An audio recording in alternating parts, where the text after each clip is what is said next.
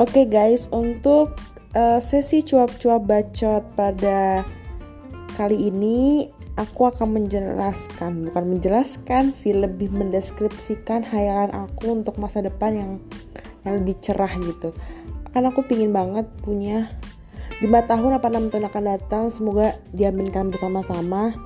Aku pingin punya tanah dan rumah dengan hasil kerja keras aku selama pokoknya impian aku sih 5 tahun apa 6 tahun yang akan datang aku punya rumah gitu aku pingin punya rumah yang dari jarak antara ruang tamu ke ruang inti kayak ruang keluarga, ruang makan itu jauh. Why? Because aku menggunakan kerudung. Jadi jika ada uh, tamu yang datang tiba-tiba, aku nggak kalang kabut gitu loh, nggak buru-buru kayak kayak uh, kayak zombie kayak vampir kena sinar matahari gitu. Jadi itu biar aurat aku tuh terjaga gitu. Biar orang-orang teristimewa aja bisa ngeliat aurat aku seperti itu. Yang kedua aku pengen banget punya rumah yang bisa memanfaatkan energi uh, energi yang energi alami gitulah ya. Kayak seperti matahari jadi aku pingin buat rumah yang dari pagi sampai maghrib itu kita memanfaatkan semaksimal mungkin yaitu energi sinar matahari.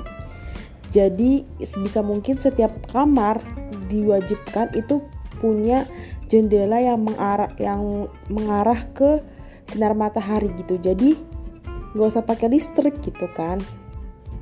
Atau punya rumah tingkat tapi uh, satu sisi dari rumah itu tuh tidak ditutupin atap atapnya tuh transparan gitu misalnya. Yang ketiga aku pingin punya rumah yang adem. Jadi kita harus meninggikan tinggi rumah gitu. Jadi gitulah intinya. So, supaya siklus udara yang ada di dalam rumah itu tuh slur gitu loh. Kayak mengalir gitu. Jadi aku mau juga mengedukasi kepada anak-anak aku nanti untuk tidak menggunakan AC karena aku sebagai anak lingkungan AC itu tuh menyebabkan penipisan lapisan ozon karena CFC. Walaupun banyak teknologi yang terbarukan bahwa uh, eh, AC ini tidak mengeluarkan CFC tapi itu menghemat menghemat biaya. Karena kita tahu sendiri bahwa biaya listrik AC itu sangat mahal. Bayangkan anak aku terbiasa untuk menggunakan AC anak aku misalnya aku bercita-cita mempunyai anak lima. Lima kamar pakai AC ruang tamu pakai AC dan ruang uh, keluarga pakai AC berapa biaya gitu. Dan aku nggak nggak bisa menjamin kalau hidup aku nanti ketika punya anak itu bakal sukses banget yang bisa membiayai listrik AC tadi gitu. Habis itu yang keempat ya. Yang keempat aku pingin banget punya anak lima. Haha. Kebanyakan gak sih tapi pengen aja kayak biar rame. Soalnya aku sebagai uh, keluarga ya maksudnya tiga bersaudara tuh sepi banget. Jadi aku butuh banget lima orang dua cowok tiga cewek. Gila nggak tuh gimana cara buatnya? Terus uh, aku pingin punya kamar anak itu cuma diisi sama kasur sama ruang belajar. Jadi lemarinya itu di satu ruangan khusus ya lemari anak-anak gitu loh. Jadi apa ya jadi tuh nggak terlalu sempit gitu kamarnya kamarnya cuma ada kasur kasurnya nggak gede-gede banget lah ya setengah ya kecil nggak kecil juga lah. Yang penting layak lah sama meja belajar. Karena meja karena kalau tempat belajar tuh nggak bisa disatuin gitu loh karena kan anak butuh privasi ya jadi aku mau menghargai uh, privasi dari anak-anak aku. Semoga ini bisa apa ya bisa menambah ada hal positif lah yang aku omongin barusan. Semoga aja kalian juga terinspirasi dari aku gitu ya. Sumpah mari kita aminkan bersama. Kita punya rumah dan tanah 5 tahun 6 tahun akan datang pakai hasil kerja keras kita sendiri itu pasti bahagia banget karena rumah adalah segalanya. Kayak kita bisa nyaman tanpa ada uh, tekanan tuh ya di rumah gitu. Jadi kita harus menjadikan rumah adalah rumahku adalah surgaku home sweet home. Oke makasih ini udah banyak banget udah hampir 5 menit jadi sampai ketemu di podcast cuap-cuap bacot selanjutnya. Bye bye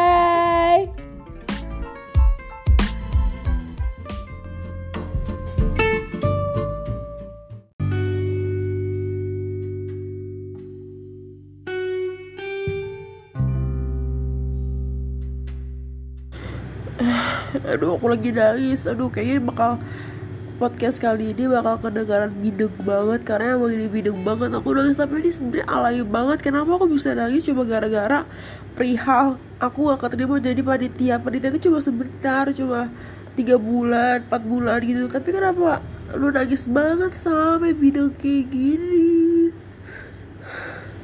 Gak tau kenapa gue ngerasa kayak gak berguna gitu loh. Untungnya bersyukurnya gue uh, sempet daftar jadi panitia wali jamaah di acara uh, ospek ospek di universitas gua. Untungnya kalau enggak gua nggak bak gua nggak dapat pengalaman organisasi pengalaman panitia apa apa gitu. Gua udah dua kali daftar panitia di jurusan tapi nggak ada yang keterima atau kenapa apa emang gue belum belum kirim belum gue submit Google Formnya tapi seingat gue gue submit. Gue aja sampai minta aduh ini bideng banget. Gue aja sampai minta uh, minta saran itu sama orang tua gue sama adik-adik gue gitu. Kira-kira gimana caranya biar gue tuh masuk? Biar gue tuh biar keterima gitu Gak tau kenapa gue lebat tapi bisa nangis gitu.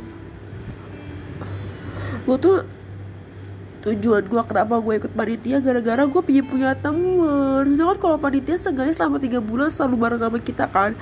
Selalu chat ada yang nongol, ada kesibukan. Jadi kayak gue berharap, gue berharap tuh kalau gue ikut panitia gue bisa deket sama teman-teman jurusan. Karena jujur banget Gue semester 1 gue kan lulusan pesantren dan jadi kayak masih kaku banget gitu loh kalau misalnya dari pesantren terus gue uh, masuk ke universitas yang umum yang cewek cowok gabung jadi gue masih kayak beradaptasi banget gitu loh. Jadi gue pas semester satu itu gue gak deket sama temen cowok yang deket gitu loh cuma kayak dia tahu gue gue tahu dia gitu udah stop. Dan itu cuma sebatas sekelas doang gitu karena semester satu uh, semua matkulnya tuh sama bareng terus di bidang banget. Terus pas semester 2 tuh gue berharap kayak semester 2 tuh gue berharap kayak gue mau terbuka sama siapa aja gue mau kayak sama cewek mau cowok dari jurusan mana pun dari fakultas mana pun gue mau terbuka gitu mau ustaz mau kenalan gitu.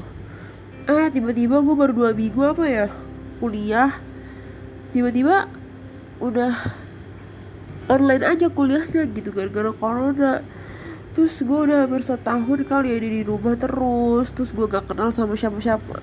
Maksudnya gue gak deket sama temen-temen cowok jurusan. Gue tuh pingin banget berdoa gitu ya Allah semoga gue usah pacaran deh gak apa-apa. Yang penting gue punya temen cowok gitu teman sama cowok gitu. Kalau misalnya sejognya itu gue bukan anggap temen gue udah anggap keluarga banget. Tapi kan tapi kan mereka kan beda beda fakultas beda univ ini kayak susah gitu. Tapi kan kalau misalnya temen kuliah apalagi sejurusan tuh kemungkinan samanya tuh banyak gitu. Aduh ini bideng banget pasti jalan banget ini. Gue berharap gitu loh dapat temen sama gue tuh berharap gue tuh pengen banget punya temen kayak kalau misalnya lo tahu kayak Rama kayak uh, Rangga kayak Adam terus kayak pokoknya deretan deretan orang-orang kayak gitu kayak Tori gitu. Kalau pokoknya siapa pun dan teman-teman kuliah gue yang denger podcast ini gue tuh pingin banget kayak pingin kenalan sama kayak Rati sama maaf gue nyebut nama tapi ini gue pingin tem pingin temenan banget sama Fatia pokoknya yang gue anggap itu tuh high level gitu gue anggap kayak AN itu tuh gue seneng banget bisa temenan sama AN itu gue seneng banget kayak gue ngerasa mereka tuh high quality banget gitu loh. Kayak Rama ya tadi udah gue sebutin terus gue anak-anak yang sering ngumpul itu gitu. Siapa lagi ya? Kayak Ical. Ical Ical dua-duanya. Siapa pun itu deh. Tapi kayak uh, ya Allah.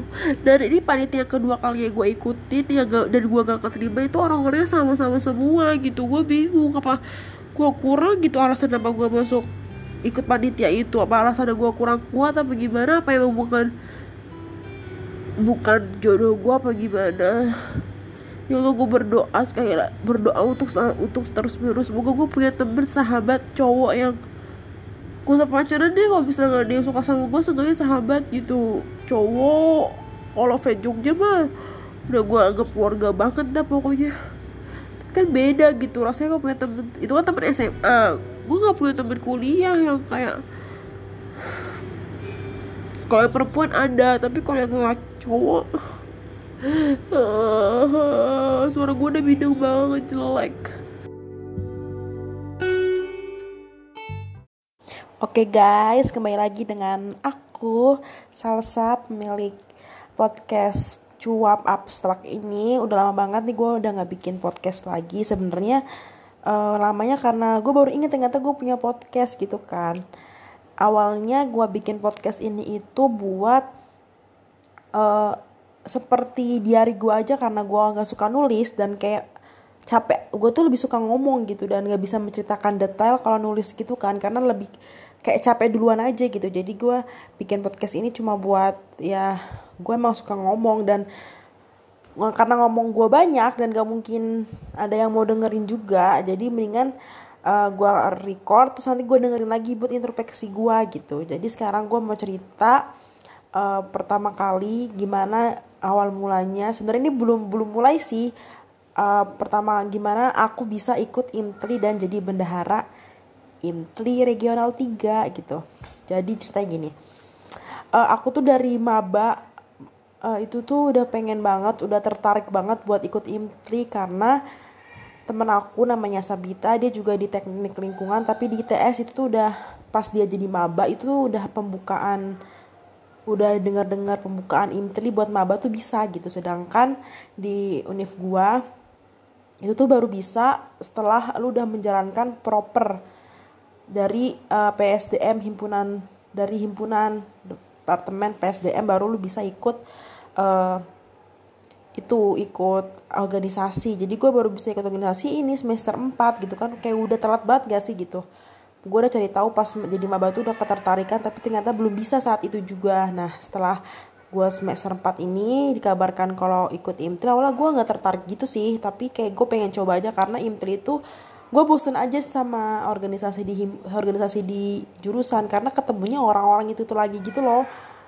Orangnya sedikit bosenan ya jadi kayak gue coba imtri dan karena imtri itu uh, kumpulan dari lima universitas di Jawa Tengah dan DIY ada Akprin ada ITY ada UPN Veteran Jogja Undip sama UII nah uh, jadi gue barulah ikut. Nah pertemuan pertama sama demisioner Imtel itu uh, eh, gue datang karena pas banget gue lagi di Jogja karena itu tuh pas kumpul barang amal demisioner Imtel itu tuh sehari setelah lilin. Jadi lilin kan selesainya hari Minggu Seninnya langsung kumpul sama mbak-mbak demisioner IMTRI itu 2017 sama 2018 dan rata-rata anak 2017 itu megangnya di PB uh, eh, PB itu pengurus besar. Jadi itu IMTRI itu ada ada dua gitu loh. Ada IMTRI yang pusat pengurus besar atau disingkat PB sama IMTRI yang PR pengurus regional. Nah gua nah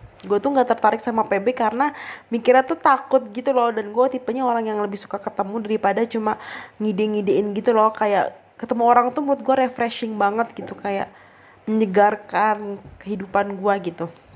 Jadi gue nggak tertarik sama PB dan itu semua rata-rata anak 2017 itu itu PB semua kayaknya. Rata-rata PB semua. Ada ada ada karek karek 2000 berapa ya? Pokoknya dua tahun yang lalu setelah gue itu ada ya udah di situ mbak mbaknya nanya-nanya gitu. Mbaknya ngasih mbak mbak abangnya itu menjelaskan tentang impli itu kayak gimana anggaran dasarnya gimana ada artinya tapi singkat doang ya.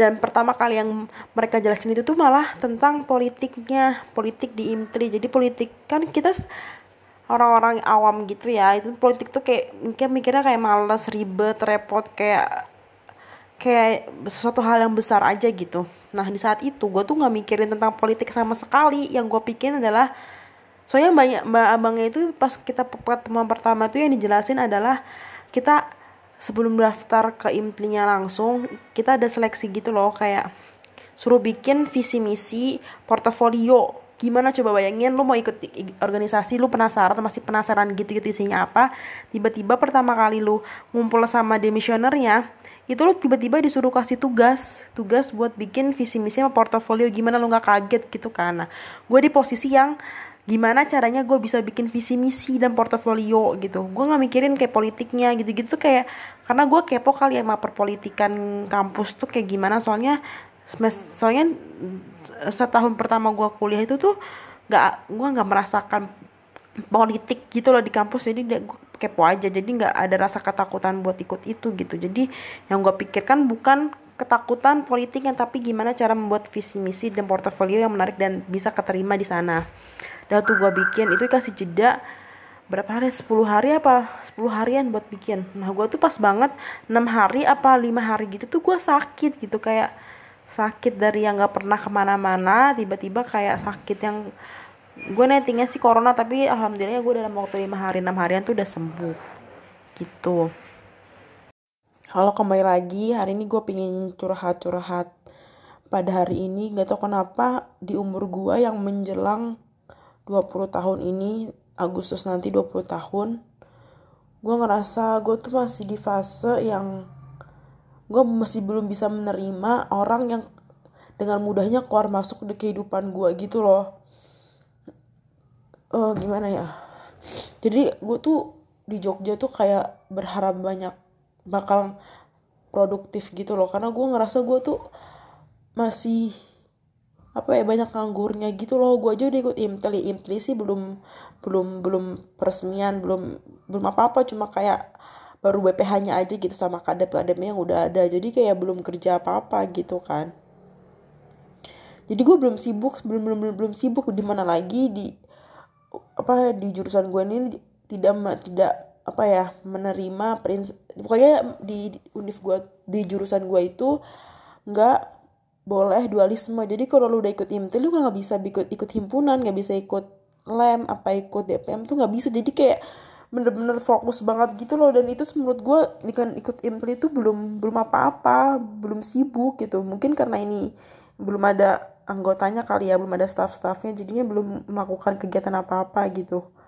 Terus gue kayak di Jogja ini tuh kayak kebanyakan orang tuh punya pasangan gitu loh. Sedangkan gue di Jogja bener-bener udah di udah pandemi kan jadi yang ke Jogja tuh bener-bener dikit gitu. Jadi yang di Jogja tuh rata-rata yang yang bener-bener mau ngebucin gitu loh. Biar bebas ngebucin gitu. Kayak temen SMA aku juga ada yang ngebucin. Jadi kayak enggak terus juga teman kuliah gue juga ada yang ngebucin. Jadi kayak kalau misalnya gue berharap nih si teman SMA teman kuliah gue ini ngajak gue main gitu. Karena pacarnya ya pacarnya tuh punya teman jadi bisa berempat gitu loh.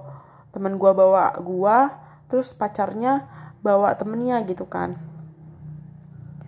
jadi kalau misalnya si temen kuliah gue ini nge-SG di second akunnya bareng pacarnya berarti gue nggak bisa mengelak gitu loh. Kalau mungkin mereka emang mau ngebucin gitu loh mau ya jalan berdua doang.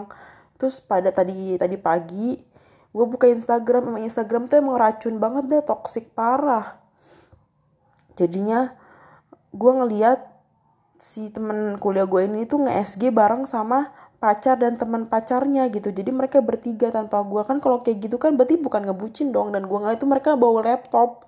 Berarti nggak nugas gitu dong. Kenapa nggak ngajak gue ya sebenarnya juga nggak ada keharusan mereka buat ngajak lu sal gitu. Tapi gue ngerasa kayak gue sendiri di sini. Bener-bener sendiri gitu loh. Ya gue ada saudara tapi kan maksudnya gue ada keluarga di sini tapi kan ya nggak bisa diajak main gini dong. Jadi bener-bener sendiri banget ada tem terus nih temen kuliah gue tuh ada dua yang mereka tuh ngebucin tiga apa ngebucin semua jadi terus temen kuliah gue juga ngebucin jadi kalau misalnya gue ngeliat SG mereka lagi ngebucin jalan berdua gitu gue nggak bisa ngebalas apa-apa karena hal itu karena IG juga mau di second di first akun itu tuh membuat gue jadi nggak ins insecure sih iri. Insecure beda kok insecure sama diri sendiri itu tuh iri iri kayak pengen banget punya pasangan hidup gitu. Enggak nggak harus pacar enggak nggak mau punya pacar. Seenggaknya teman main tapi cowok gitu loh. Pengen banget dari dulu soalnya kan gue uh, 6 tahun pesantren tuh cewek semua. Dan gue SMP pun nggak nggak kenal sama sekali cowok. Bener-bener nggak kenal. Baru SMA gue mulai kenalnya tuh gara-gara IF baru gara-gara udah mau kelas 12 gitu-gitu kan sering ngadain pertemuan pertemuan gitu. Gue baru baru kenal baru pada tahu gue gitu. Dan kuliah ya Allah kenapa sih? Corona itu emang memperhambat jodoh. Ya bukan berarti jodoh gue di kuliah tapi maksudnya memperhambat pertemanan gitu loh. Dan gue udah kuliah nih gue berharap gue bakal bisa ketemu teman banyak gitu. Teman cowok itu terutama tuh gue pengen banget nggak tau kenapa kayak gue pengen punya apa ya nggak tau gue pengen aja punya teman awan jenis karena gue udah udah biasa enam tahun gitu cewek semua. Jadi kayak gue pengen punya teman cowok gitu. Eh pas di kuliah nih gue semester pertama tuh gue masih kayak beradaptasi gitu loh dari dari pesantren yang nggak ada cowok sama sekali ke kuliah yang bener-bener homogen gitu kan heterogen. Hom masih homogen sih sebenarnya terus pas semester 2 gue kayak mau bebas mau kayak temen sama siapa aja mau semua gue iyain. Tapi ternyata corona dan corona setahun. Nggak tahu lagi. Sedih gue juga ngeliat SG nya Bang Uli Bang Uli tuh nge-SG lagi bakar-bakar gitu. Pokoknya lagi ngumpul. Dan gue lihat tuh ada ang angkatan gue angkatan 19 juga ada angkatan 20 ada angkatan 18 juga ada. Kenapa gak ngajak gue gitu? Orang-orang tertentu kah pilihan kah gitu nggak tau deh gue ngerasa gak punya temen. Gue tuh punya nemu kuat gini. Di hidup mungkin kamu cuma nemu hubungan persahabatan dengan satu orang. Itu hal yang biasa. Kalau kamu maksain buat dapet banyak temen itu akan jadinya nggak nyaman. Cukup biarkan semua terjadi. Jadi ya biarin aja let it flow. Oh ya Allah. Apa ini kelebihan apa kekurangan ya? Gue nggak ah, nggak uh, deket sama cowok kekurangan juga. Enggak karena ini lu bersyukur lu terjaga dari perbuatan ABC gitu. Tapi gue butuh. Keluarga gue cewek semua. Terus gue enam tahun pesantren. Kuliah baru satu tahun adaptasi tiba-tiba corona setahun. Nanti gue masuk gak tau kapan udah KP udah KKN tiba-tiba wow beli kerja gue nambah cerita di podcast ini karena gue yakin gak ada yang mau dengerin gue 6 menit 7 menit 8 menit buat cerita gitu. Semua punya kesibukan masing-masing. Jadi lebih baik gue bikin podcast gue rekam. Soalnya kan kalau misalnya gue rekam di video itu kan bakal banyak memori. Jadi gue rekam di sini ntar gue post di Spotify. Ya nggak ada yang mau denger gue juga malah bersyukur banget. Ya Allah pertemukanlah aku dengan teman cowok nggak harus nggak usah pacaran nggak mau aku juga pacaran tapi temen yang tahu deh.